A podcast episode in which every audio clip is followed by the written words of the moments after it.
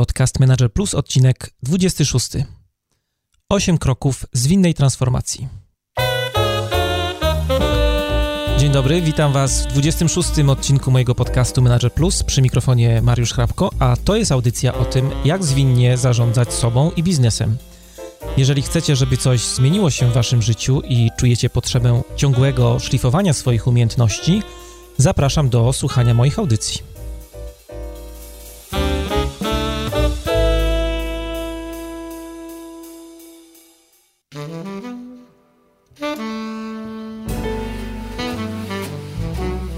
Wszystkiego najlepszego w nowym roku 2016.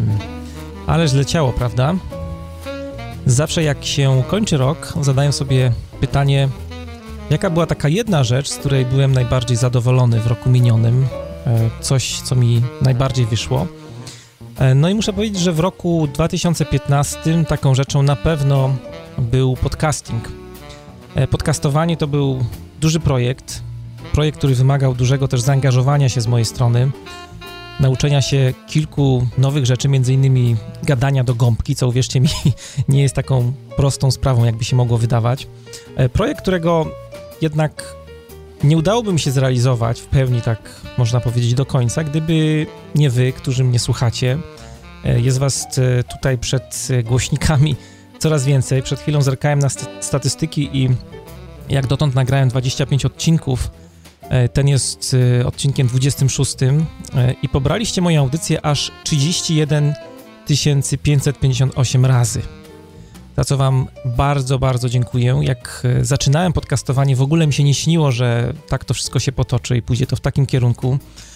Doskonale pamiętam początki, zanim wystartowałem, o tym już też opowiadałem Wam kilka razy w trakcie tych moich audycji, że zanim wystartowałem, wcześniej chyba przez pół roku nie mogłem się zebrać ze wszystkim, kupowałem sprzęt, myślałem, jakby to wszystko mogło wyglądać. Szukałem e, dobrego jingle, jakiejś dobrej nazwy dla audycji. Wszystko trwało pół roku. No aż w końcu był 8 marca. E, wystartowałem z pierwszym odcinkiem. No i potem już jakoś to wszystko się potoczyło. Cliff Ravenscraft, od którego bardzo dużo uczyłem się i ciągle uczę o podcastowaniu, mówi, że Najtrudniejsze są e, pierwsze, najtrudniejszych jest pierwszych 10 odcinków, później już jakoś idzie z górki. No i pewnie coś w tym jest. E, ja na początku chyba najbardziej obawiałem się tego, że nie będę w stanie utrzymać tempa, że e, nie będę miał na tyle takiej wewnętrznej motywacji, żeby nagrywać regularnie, żeby wyszukiwać ciekawe tematy, zapraszać fajnych gości. No ale wasze wsparcie tutaj y, było naprawdę nieocenione. Dzięki za wszystkie maile, które do mnie y, w tym czasie y, wysyłaliście i ciągle wysyłacie, za wszystkie takie motywacyjne kopniaki, które od was otrzymuję. To wszystko bardzo pomaga i, i też powoduje, że mi się chce to robić, co robię. Widzę duży sens też prowadzenia tych, tych audycji. Jest to bardzo dziwne doświadczenie, że w zasadzie gadam do gąbki, a gdzieś tam po drugiej stronie jest ktoś, kto kto mnie słucha, kto dostrzega wartość w tym, co robię. E, rok 2016 dla mnie osobiście będzie na pewno dużym e, wyzwaniem i też zobowiązaniem. E, obiecuję, że Was nie zawiodę. Będzie dużo ciekawych tematów, interesujących gości i też mam nadzieję, że wspólnie wystrzelimy tę audycję w kosmos. Jeszcze raz z całego mojego serducha bardzo Wam dziękuję za to, że jesteście, za to, że mnie słuchacie.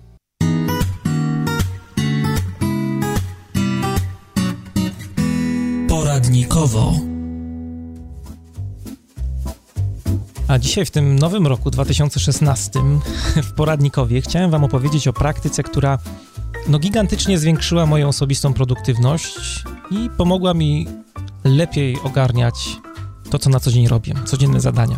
Praktyka nazywa się Dwa najważniejsze zadania, tak ją sobie nazwałem, DNZ. I na czym ona polega? Dzień wcześniej, najlepiej do wieczora, przygotujcie sobie listę rzeczy, którą chcecie zrobić następnego dnia w pracy, kolejnego dnia w pracy. E, na początek nie polecam korzystania z żadnych tutaj elektronicznych narzędzi, bo po pierwsze stracicie kupę czasu, żeby znaleźć dobre takie narzędzie. Wiem coś o tym, bo e, sam dokładnie tak samo robiłem. No a po drugie, w narzędziu elektronicznym możecie wpisać w zasadzie tyle zadań, ile Wam się żywnie podoba. A tego chcemy uniknąć. Potrzebne nam jest tutaj jakieś pewne ograniczenie.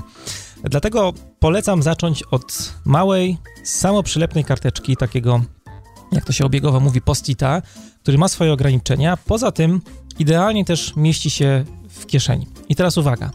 Na karteczce zawsze powinno znaleźć się dwa najważniejsze, najważniejsze zadania, które chcecie w danym dniu zrobić. I bardzo ważne jest, żebyście nie przekombinowali z tymi zadaniami, żeby rzeczywiście pojawiły się tam tylko dwa zadania, nie więcej.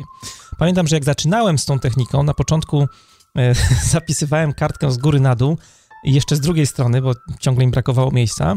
No i potem oczywiście się frustrowałem, że nie jestem w stanie tych zadań wykonywać. Dlatego pamiętajcie, tylko dwa zadania. Jeżeli będziecie mieli problem ze zrobieniem takiej dwupunktowej listy, przy każdym zadaniu, które chcecie wpisać na swoją karteczkę, zadajcie sobie trzy proste pytania. Czy gdyby tylko tę jedną rzecz udało mi się dzisiaj zrobić, byłbym z siebie zadowolony? To jest pierwsze pytanie. Drugie, co się stanie, jeżeli tego dzisiaj nie zrobię? I trzecie pytanie, czy warto odłożyć wszystkie inne ważne zadania dla tej jednej rzeczy? Trzymam kciuki za Waszą produktywność. A teraz temat przewodni. A tematem przewodnim jest dzisiaj zwinna transformacja w firmie, jak ją przeprowadzić, jak powinien wyglądać pierwszy krok takiego wdrożenia Agile w organizacji. Ten odcinek jest kontynuacją odcinka 25, w którym opowiadałem, jakie podejście do wdrożenia Agile wybrać, czy e, raczej małymi krokami, czy może powinien to być wielki przewrót. Jeżeli jeszcze nie mieliście okazji posłuchać e, tego odcinka, to bardzo Was zachęcam, bo jest to dobre wprowadzenie do tego, o czym będziemy mówić e, dzisiaj, czyli do tematu zwinnej transformacji w firmie.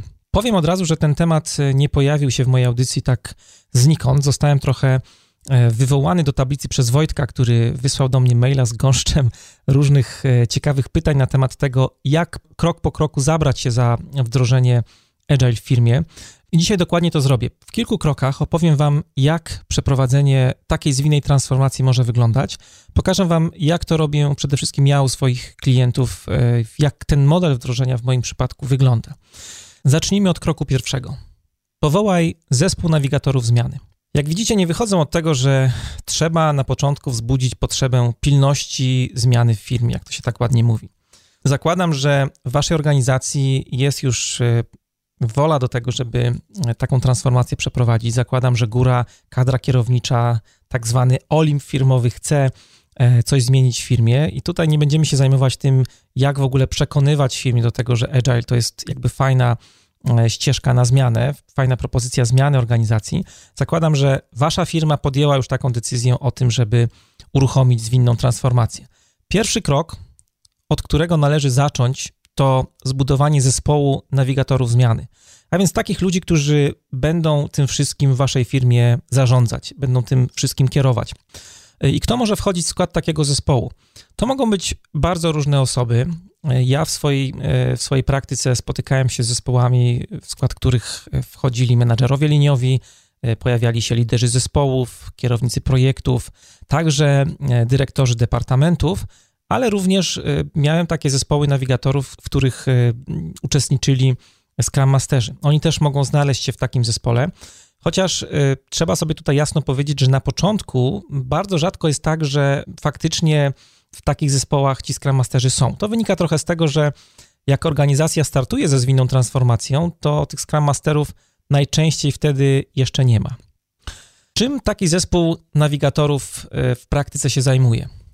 Przede wszystkim opracowuje strategię wdrożenia, e, jak to będzie wyglądało, przygotowuje plan działań na najbliższe miesiące.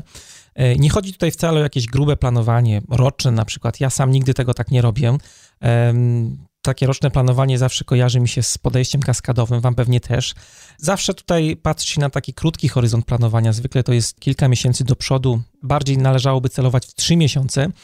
Nawigatorzy zmiany biorą też udział w warsztatach strategicznych, podczas y, których przepracowywana jest lista tematów związanych z adaptacją bieżących procesów, standardów, narzędzi w firmie. O tych warsztatach Wam y, opowiem w jednym z kolejnych kroków.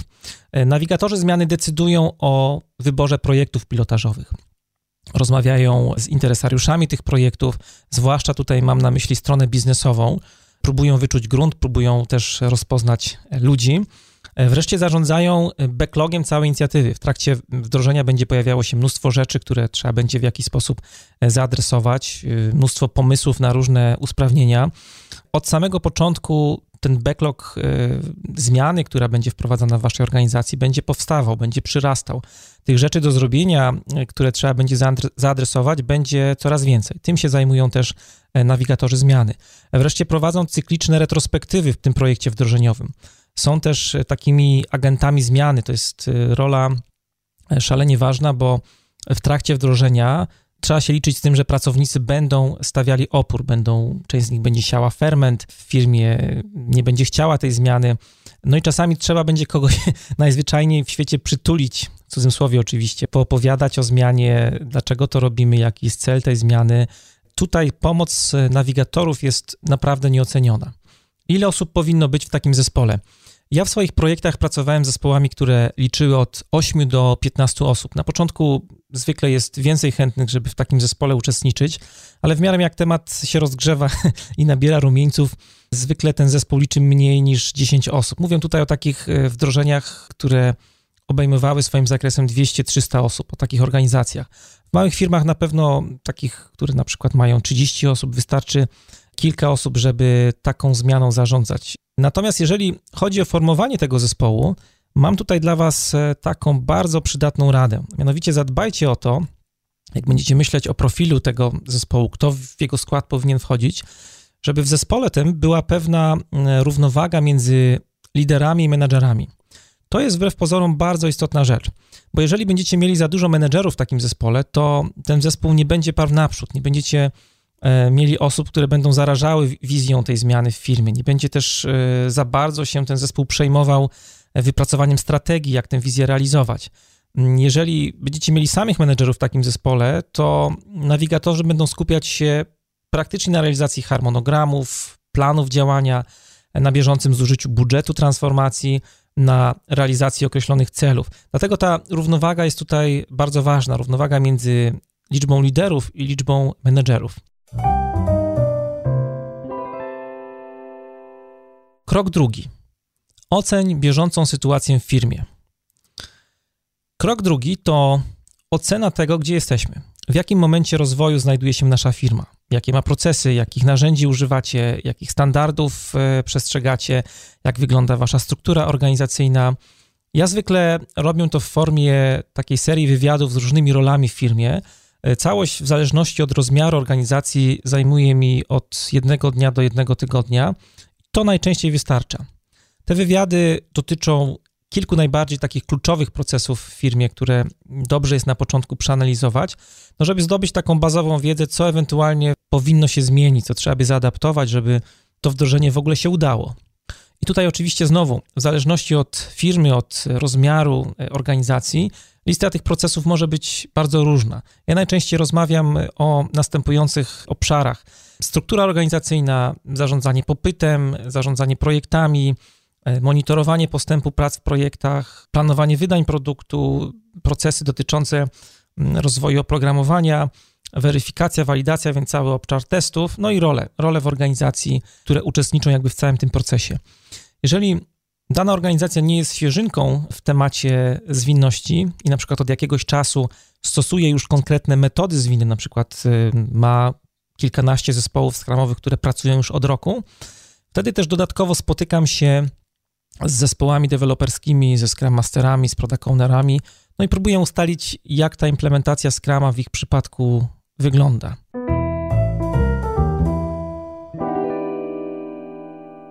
Krok trzeci – Krok trzeci to zorganizowanie i poprowadzenie warsztatów strategicznych w firmie.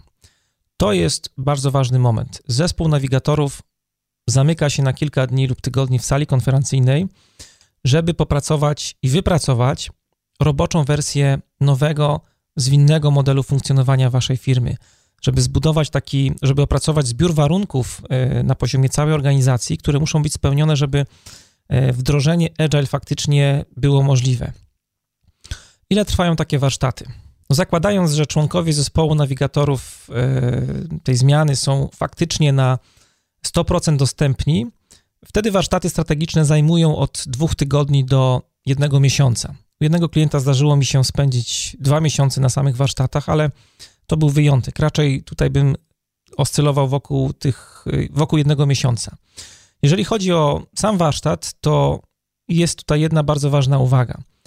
Skupcie się na zdefiniowaniu przede wszystkim zbioru najbardziej podstawowych rzeczy, które muszą w organizacji zostać zrobione, żeby swobodnie ze zmianą wystartować. Nie próbujcie zmieniać wszystkiego.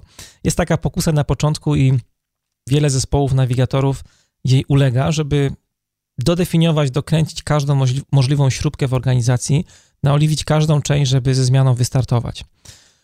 Musicie pamiętać o tym, że na początku nie jesteście w stanie wszystkiego przewidzieć, nie jesteście w stanie przewidzieć, jak to szarpanie organizacji, pociąganie za różne sznurki, jakie efekty przyniesie. O tym mówiliśmy trochę e, w poprzednim odcinku, w odcinku 25.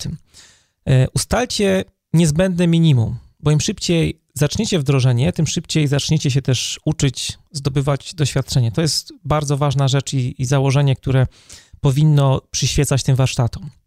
Tematyka warsztatów powinna dotykać dwóch poziomów waszej organizacji. Pierwszy poziom to jest poziom governance'u, to jest takie e, słowo, które e, nie ma dobrego tłumaczenia w języku polskim, tłumaczy się go czasami jako ład korporacyjny, ale tak naprawdę chodzi tutaj o poziom, w którym definiujecie zbiór takich podstawowych zasad, praktyk, które dotyczą jakby zarządzania całą firmą.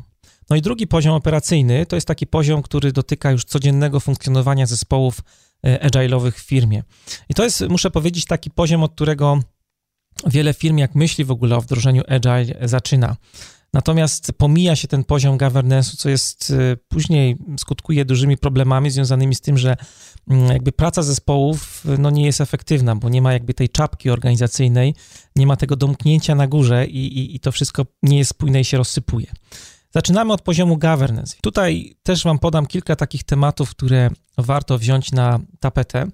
E, pierwszy temat, od którego absolutnie wszystko się zaczyna i od którego zależy jakby cała reszta, to to jest, y, to jest próba odpowiedzi na to, na pytanie, co jest produktem, co jest waszym produktem, jaka jest struktura tego produktu. E, czy produktem jest na przykład jeden projekt, czy na wasz produkt składa się kilka projektów? Co z błędami produkcyjnymi? Czy to też jest produkt, czy nie? Co z długiem technicznym? Co z projektami badawczymi? Czy to jest produkt, czy to nie jest produkt? I tak dalej, i tak dalej. Pisałem o tym e, dość szczegółowo w jednym z moich ostatnich artykułów na blogu Agile w zarządzaniu projektami, jakie podejście wybrać. E, artykuł Wam podlinkuję, warto go przeczytać też jako zadanie domowe do dzisiejszej audycji. Tam szczegółowo wyjaśniam, na co zwrócić uwagę przy właśnie odpowiadaniu sobie na to pytanie, co jest produktem, co jest backlogiem Waszego produktu, używając tutaj już żargonu skramowego. Drugi, kolejny taki punkt to jest to, jak wygląda proces zarządzania popytem w firmie, czyli jak wygląda wszystko od momentu zgłoszenia jakiegoś pomysłu, jakiejś koncepcji biznesowej przez waszego klienta, aż do momentu jej realizacji. Jak to wygląda krok po kroku. Kolejny punkt to proces zarządzania projektami. Oczywiście, jeżeli jesteście organizacją projektową, bo nie wszystkie firmy to podejście projektowe stosują podejście projektowe w rozumieniu standardów, na przykład e, PMI-owych czy Prince'owych. Kto będzie odpowiadał za zarządzanie backlogiem na poziomie portfela, na poziomie programu? E, tutaj na pewno pojawi się temat też skalowania roli product ownera. Cała, cały temat, e, cały punkt, który dotyczy właśnie zarządzania projektami w firmie. Jeżeli pracujecie w organizacji projektowej, dobrze jest też pomyśleć o liście wymaganych dokumentów projektowych, ale też i wytwórczych które dokumenty faktycznie potrzebujecie, a bez których możecie się obejść, albo które mm, potrzeba w jakiś sposób y, zaadaptować, żeby można było mm, korzystać z tych dokumentów właśnie w projektach zwinnych czy, czy w zespołach zwinnych. Kolejny ważny punkt to sposób planowania wydań produktu, czyli jak będzie wyglądał e, kalendarz wydań w firmie. Czy będzie jeden centralny release, wydanie dla wszystkich zespołów, czy każdy produkt będzie miał oddzielny cykl wdrożeniowy. Kto będzie odpowiadał za planowanie wydań? Czy będzie potrzebna rola na przykład release managera? Co z polityką wersjonowania? Tutaj tych pytań jest e, bardzo dużo. Ja Wam oczywiście daję przykłady takich najważniejszych rzeczy, które trzeba przeanalizować e, w trakcie warsztatów strategicznych. I zwykle jeden dzień warsztatów e, spędzam też na dokładnym zdefiniowaniu zakresu obowiązków, ról, które są zaangażowane w tym nowym, zwinnym świecie To zwykle zajmuje, tak jak mówię, jeden dzień i to są takie dość intensywne warsztaty, bo praktycznie przechodzi się tutaj przez każdą rolę, każdą rolę dokładnie się definiuje w kontekście jakby pracy w tym takim środowisku zwinnym. Mam tutaj na myśli rolę product ownera, przede wszystkim rolę line product ownera, jeżeli występuje chief product ownera, scrum mastera, rolę kierownika projektu, jeżeli występuje kierownika liniowego, rolę architekta korporacyjnego. Trzeba wziąć na tapetę wszystkie role, które w jakiś sposób w ten proces e, wdrożenia będą zaangażowane i dobrze je dodefiniować. To zobaczycie, przyniesie owoce na pewno, e, jak ruszycie z taką implementacją w całej organizacji, w całej firmie. Będzie to duży zysk y, i, i, na pewno to docenicie. Na mojej stronie jest dostępny bezpłatny e-book, który napisałem na temat właśnie definiowania ról y, przy projektach wdrożeniowych. Chodzi tutaj o zwinny kapelusz. Jeżeli tylko wejdziecie na stronę, bardzo szybko go odnajdziecie. Zachęcam do pobrania, jeżeli jeszcze nie mieliście okazji, bo tam opisuję, jak taki jeden dzień warsztatów mógłby wyglądać krok po kroku. No i ostatni punkt, y, który jest dosyć wrażliwy, to struktura organizacyjna. Przyznam szczerze, że tego tematu nie zawsze dotykam na warsztatach, bo tak jak mówię, jest to dość delikatna kwestia i nie każda organizacja decyduje się na początku na aż tak głębokie zmiany, ale muszę Wam powiedzieć, że ostatnio e, coraz częściej u dwóch moich ostatnich klientów był to jeden z tematów, y, że tak powiem, kluczowych podczas tych warsztatów to, jak struktura organizacyjna miałaby wyglądać, jak ją przebudować w kierunku takiej struktury bardziej zorientowanej na dostarczanie produktów, a niekoniecznie projektów. To jest duża zmiana mentalna, o tym można też e, stworzyć od, odrębny odcinek, żeby na ten temat porozmawiać. Oczywiście, tak jak mówię, na warsztatach możecie sobie ten temat podarować, ale zobaczycie, że wcześniej czy później kwestia struktury organizacyjnej powróci do Was jak, jak bumerang. Nie da się tak na serio wprowadzić zwinności do firmy i o tym się na pewno e, z czasem przekonacie bez zmiany struktury organizacyjnej. To były tematy, które dotykały tego poziomu governance. E, ten drugi poziom, o którym też mówiłem, to jest poziom operacyjny. I tutaj jest druga pula odrębnych tematów, e, które porusza się podczas takich warsztatów strategicznych, i one dotykają takiej pracy codziennej, operacyjnej zespołów, które będą brały udział jakby w całym tym projekcie wdrożeniowym. I tutaj staramy się opracować taki wspólny model pracy dla wszystkich zespołów w firmie. E, jak na przykład będą się ze sobą te zespoły komunikować, jak będziecie planować i koordynować zależności między zespołami, co z kwestiami integracji produktu, jak w to wszystko ubrać dostawców zewnętrznych, w jaki sposób y, będą planowane sprinty, czy będzie to podejście velocity driven, czy będzie to podejście e, capacity driven oparte na dostępności zespołów, jakie metryki będziecie zbierać, jakich jednostek szacowania będziecie używać. Tych tematów tutaj jest całkiem sporo, podobnie jak przy pierwszym poziomie, ale mniej więcej czujecie o co tutaj chodzi. Czyli oprócz governance'u schodzimy też na taki poziom pracy operacyjnej już konkretnie zespołów agile'owych, które będą zaangażowane w całą transformację, będą silnikiem tak naprawdę tej transformacji. Osobne miejsce w warsztatach powinniście poświęcić też e, adaptacji odpowiedniego narzędzia do zarządzania pracą tych zespołów. Przy wdrożeniu, które obejmuje kilkadziesiąt zespołów, praca na tablicach analogowych, którą uwielbiam, może, może nie wystarczać. Może trzeba będzie pomyśleć o jakimś narzędziu e, elektronicznym. Zdaję sobie sprawę, że jak opowiadam Wam o tych warsztatach, o tematach, które na tych warsztatach się przerabia, to e, możecie czuć się tym wszystkim trochę przytłoczeni ale uwierzcie mi, że dobre przeoranie każdego z tych zagadnień bardzo ułatwi pracę później zespołom, które będą w tej transformacji uczestniczyć. Bardzo dużo problemów, które mm, wynikają z tego, że ten poziom governance'u y, czy ten poziom operacyjny nie jest poprawnie zaadresowany przy planowaniu właśnie wdrożenia, skutkuje tym, że obwiniamy później pracę zespołów y, projektowych. Mówimy, że ten cały agile, ten cały scrum y, w zespołach nie działa. Tak naprawdę nie zapewniliśmy jako organizacja takiego zbioru podstawowych warunków, nie stworzyliśmy gruntu pod y, działanie tych, y, tych zespołów. No i później mm, mamy pretensje, że ten czy inny zespół y, nie daje rady pracować w takiej, a nie innej metodzie. W wyniku warsztatów powstaje pierwsza wersja nowego systemu operacyjnego waszej firmy. Dlatego tym bardziej warto się do tych warsztatów solidnie przyłożyć. Krok czwarty.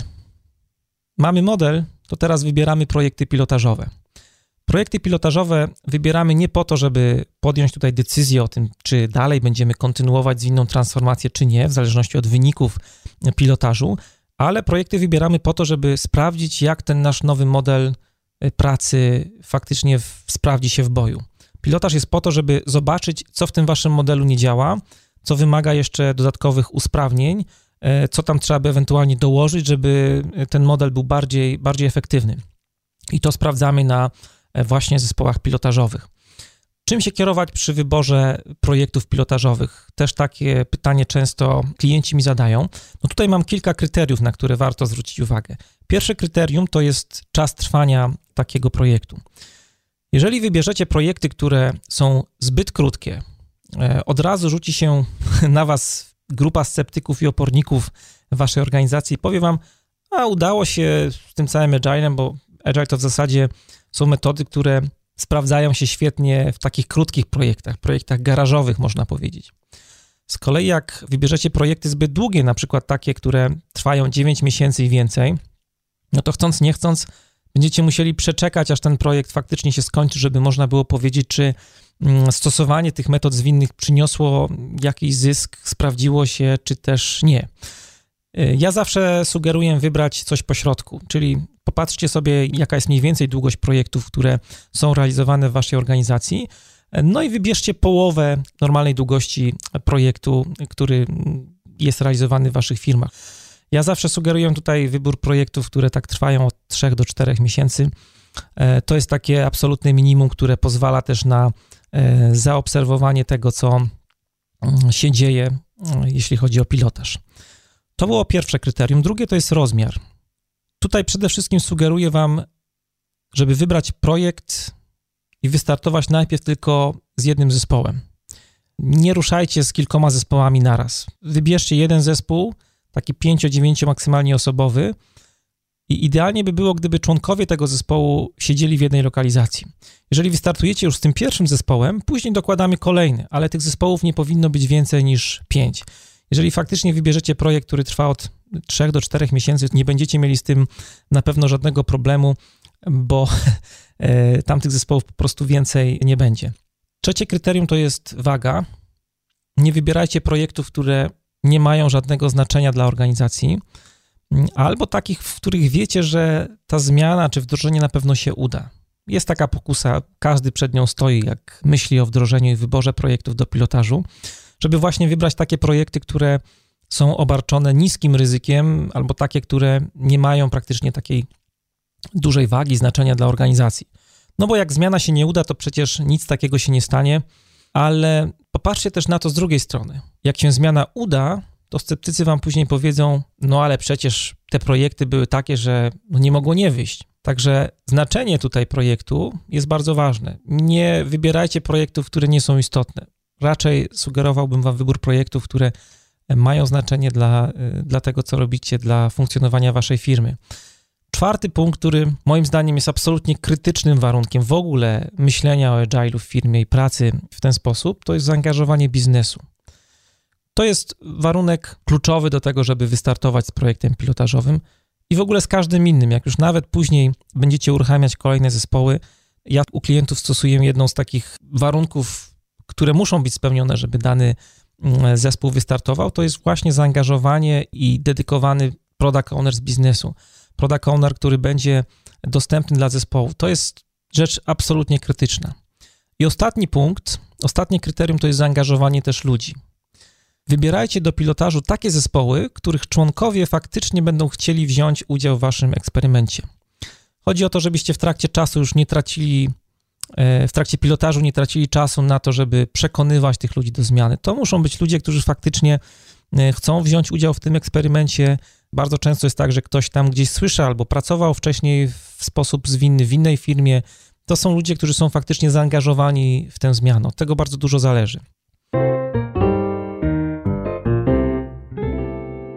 Teraz, jak mamy wybrane projekty do pilotażu, krok piąty to jest komunikacja wizji zmiany w całej organizacji.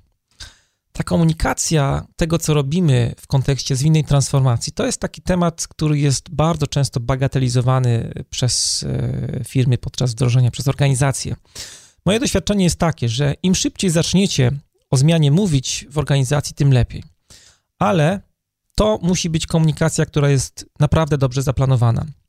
Tutaj taką dobrą praktyką, którą też Wam mogę sprzedać, to jest to, żeby od samego początku zaangażować w, w, planowanie jakby tej mm, komunikacji w firmie na temat zmiany, zaangażować rolę, która bardzo często nazywa się menadżer do spraw komunikacji. Menadżer do spraw komunikacji wewnętrznej też czasami taka rola się pojawia. To jest ktoś, kto odpowiada za przepływ informacji w firmie. E, I taka osoba bardzo Wam może pomóc przede wszystkim w tym, żeby zaplanować całą strategię komunikacji, informowania pracowników o zmianie w firmie. Pomyślcie tutaj, jak będziecie sobie mm, analizować, jakie kanały informacyjne można zastosować, jakie narzędzia zastosować, żeby wykorzystywać tutaj te kanały takie wielo, wieloaspektowe, żeby te kanały były faktycznie różnorodne. Oczywiście taką rzeczą, którą dobrze jest zrobić na początku, CEO wysyła e-mail do wszystkich pracowników, w którym informuje o starcie projektu zwinnej transformacji w firmie. Tak można zrobić. Dużo takim też e, fajniejszym sposobem od samej komunikacji mailowej jest zorganizowanie poza firmą takiego jednodniowego eventu. Tutaj można e, wynająć hotel zupełnie poza firmą. Ważne jest, żeby to zrobić poza firmą, żeby pracownicy mieli poczucie, że jest to coś absolutnie specjalnego. E, I celem tego wydarzenia pozafirmowego jest jedna wielka akcja informacyjna o tym, co chcecie zrobić w organizacji. Zaczynacie od informacji o samym projekcie zwinnej transformacji, jak to wszystko będzie wyglądać. Można zaprosić też później kogoś z zewnątrz, jako drugiego mm, prelegentę, nazwijmy to, kto, kogoś, kto opowie o Agile, o tym, na czym to polega, o tym, że wymaga to pewnego zmianu, zmiany myślenia, mindsetu i tym podobnych rzeczach. No a potem druga część dnia, no to są takie warsztaty. Tutaj bardzo polecam wykorzystanie metody Word Cafe. To jest taka naprawdę świetna rzecz, która sprawdza się, jeśli chodzi o angażowanie wszystkich pracowników w firmie w dyskusję o zmianie, o tym, co ich czeka. E, dzięki też tej metodzie każdy pracownik będzie mógł wyrazić swoje obawy, zadać jakieś pytania. No tutaj mm, ten, ten odcinek nie jest miejscem, żeby jakby pokazywać, jak to się dokładnie robi. Odsyłam was tutaj do e, strony thewordcafe.com, podlinkuję ją w materiałach do dzisiejszej audycji, ale jest to taka metoda warsztatów, która pozwoli Wam też zaangażować wszystkich pracowników w firmie i wyrazić im swoje też wątpliwości na temat tego, co chcecie zrobić, bo na pewno sporo osób, jak usłyszy o tej zmianie, też e, będzie pełna niepokoju i będą mieli dużo pytań na temat tego, co, e, co ich tak naprawdę w niedalekiej przyszłości czeka. Kolejne narzędzie, które też fajnie się sprawdza, to jest organizacja takich cyklicznych spotkań informacyjnych w firmie. Na przykład CIO firmy raz na kwartał albo część spotyka się ze wszystkimi pracownikami i opowiada o tym, co się dzieje w projekcie zwinnej transformacji. Taka dobra praktyka, którą mm, stosuję u klientów, to jest to, żeby te spotkania były nieformalne. W jednej firmie robiliśmy tak, że były to takie comiesięczne spotkania, one były organizowane w formie stand-upów. Spotykaliśmy się na dużej sali, tam były rozstawione stoliki trochę barowe, była taka atmosfera kawiarniana. Te stoliki były zapełnione owocami i pączkami. I to spotkanie nie trwało dłużej niż 30 minut. Zaczynaliśmy od takiego krótkiego e, wstępu. Zazwyczaj robił ten wstęp sponsor całej inicjatywy. Potem e, nawigatorzy zmiany opowiadali o tym, co się dotychczas wydarzyło w projekcie zwinnej transformacji, co się nam udało zrobić, co jeszcze przed nami, no a potem był czas na takie rozmowy kuluarowe. Bardzo fajnie to też się sprawdzało, jeśli chodzi o taką akcję informacyjną pracowników i, i wymianę też wiedzy na temat tego, co się dzieje w projekcie zwinnej transformacji. Kolejna rzecz tutaj możecie wykorzystać szeroki wachlarz narzędzi typu newsletter firmowy, gazetka firmowa, jakiś wywiad na przykład z nawigatorem E, zmiany z zespołu, który prowadzi, zarządza tą transformacją też w firmie.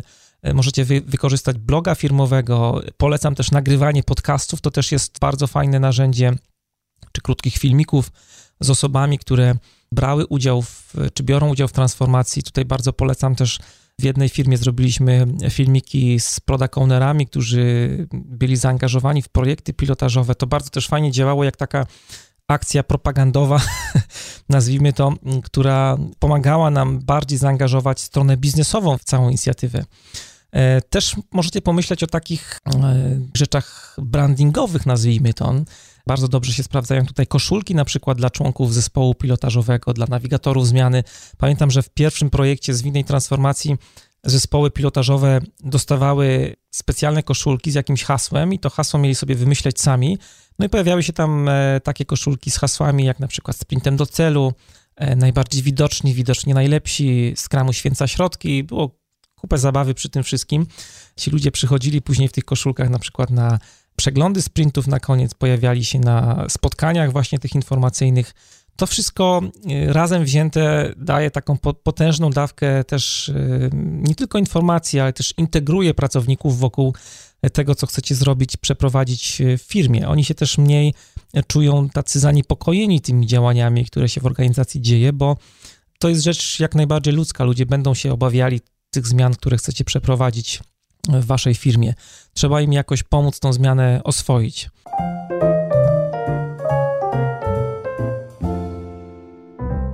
Krok szósty. Przeprowadź ewaluację pilotażu. Tutaj organizujemy na koniec właśnie tego projektu pilotażowego, czyli po tych 3-4 miesiącach, taką jedną wielką retrospektywę. Biorą w niej udział e, wszystkie osoby zaangażowane w fazę pilotażu, przede wszystkim członkowie zespołu nawigatorów zmiany i zespołów, które e, są zespołami pilotażowymi. Dobrze jest zarezerwować sobie na taką retrospektywę trochę więcej czasu niż w przypadku takich tradycyjnych retrospektyw sprintowych. Będzie Wam potrzebne na pewno przynajmniej 4 godziny, pół dnia. Trzeba liczyć, że taka retrospektywa Wam zajmie. Do takiej retrospektywy też dobrze jest się e, przygotować. Pomyślcie o moderatorze, kto by taką rolę mógł pełnić. Jeżeli jest e, zaangażowany jakiś konsultant czy agile coach z zewnątrz, można taką osobę poprosić, żeby takie spotkanie moderowała. To może być też ktoś z członków zespołu nawigatorów zmiany, jakiś też zapalony Scrum Master. Jeśli chodzi o stworzenie agendy takiego spotkania, to tutaj polecam Wam na pewno nieśmiertelną książkę Agile Retrospectives Esther Derby i Diane Larsen.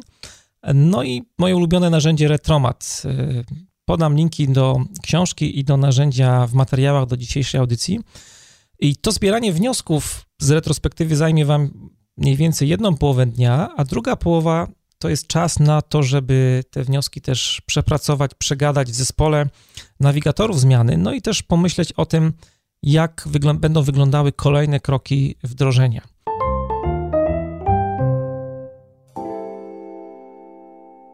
Krok siódmy to już jest krok, w którym wprowadzacie zmianę w całej organizacji. Tak jak mówiłem w poprzednim odcinku podcastu, sugeruję Wam wprowadzać tę zmianę małymi krokami, ewolucyjnie.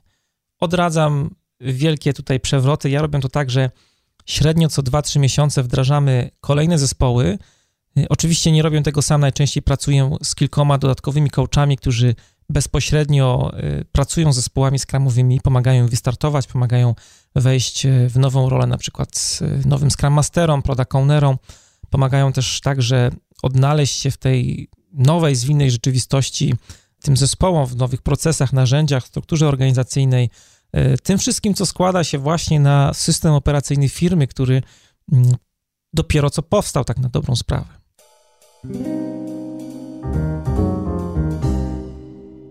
Krok ósmy to utrwalenie zmian w kulturze organizacyjnej firmy.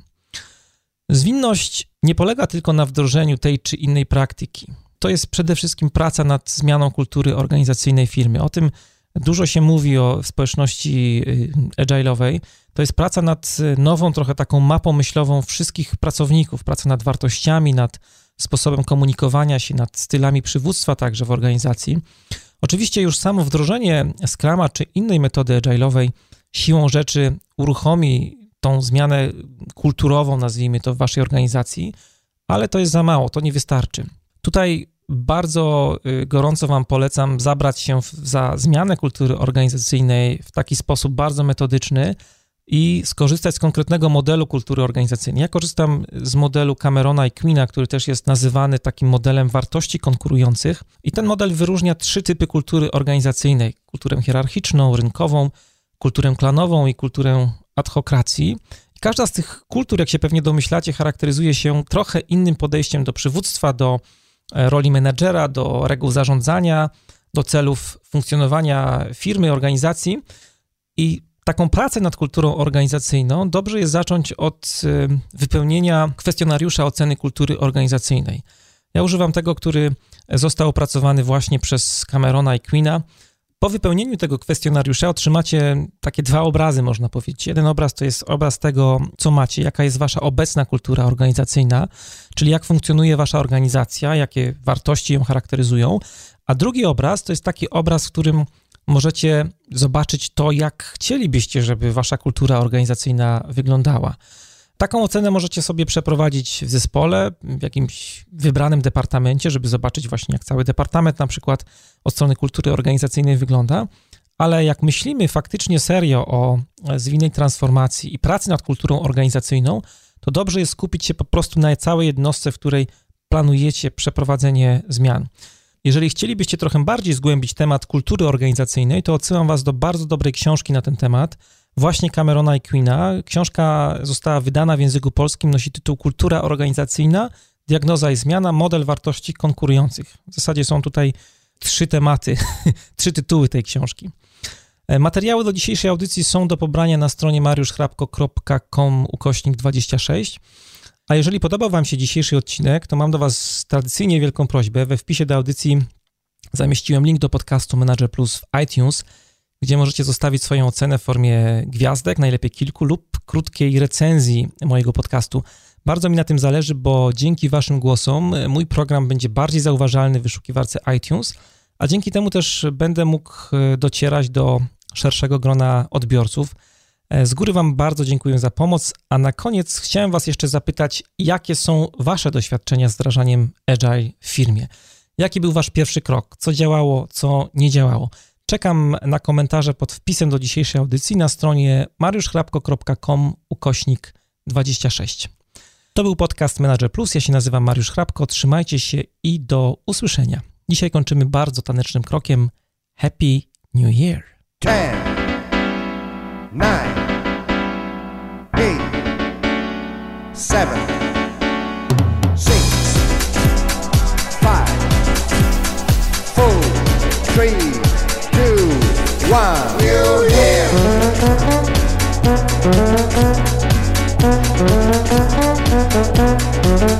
A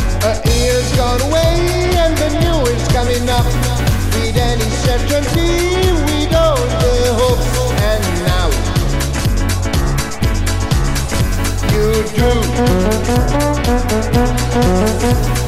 look in the you look in your heart. That is what you need and what you dream and now. You do. You will feel her hand that caresses your face with love. You will feel on your skin heat of the stars in the sky. You the hope to be better and to aim more. Now sings and dances to the rhythm of your heart, and you win. Happy New Year to you, my dear friend. You are the most important thing in my heart. To those around you because love is the only way to live and sing. To all those you hope to find through in the world and within themselves. To me and Phoebe Sound to the new young song will be born today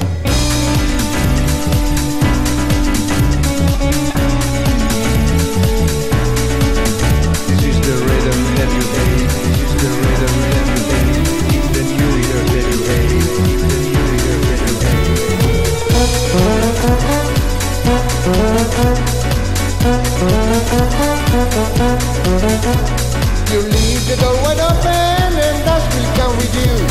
That will free you and take you in the night. And now you do. I hold hope that you hear was wonderful and blue.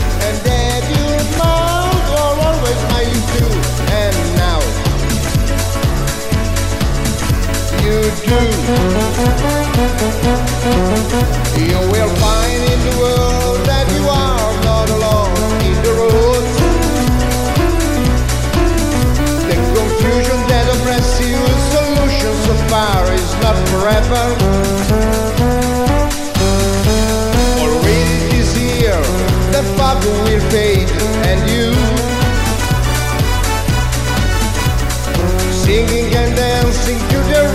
Of your heart, and you'll win, and you'll win, and you'll win, and you'll Happy New Year to you, my dear friend.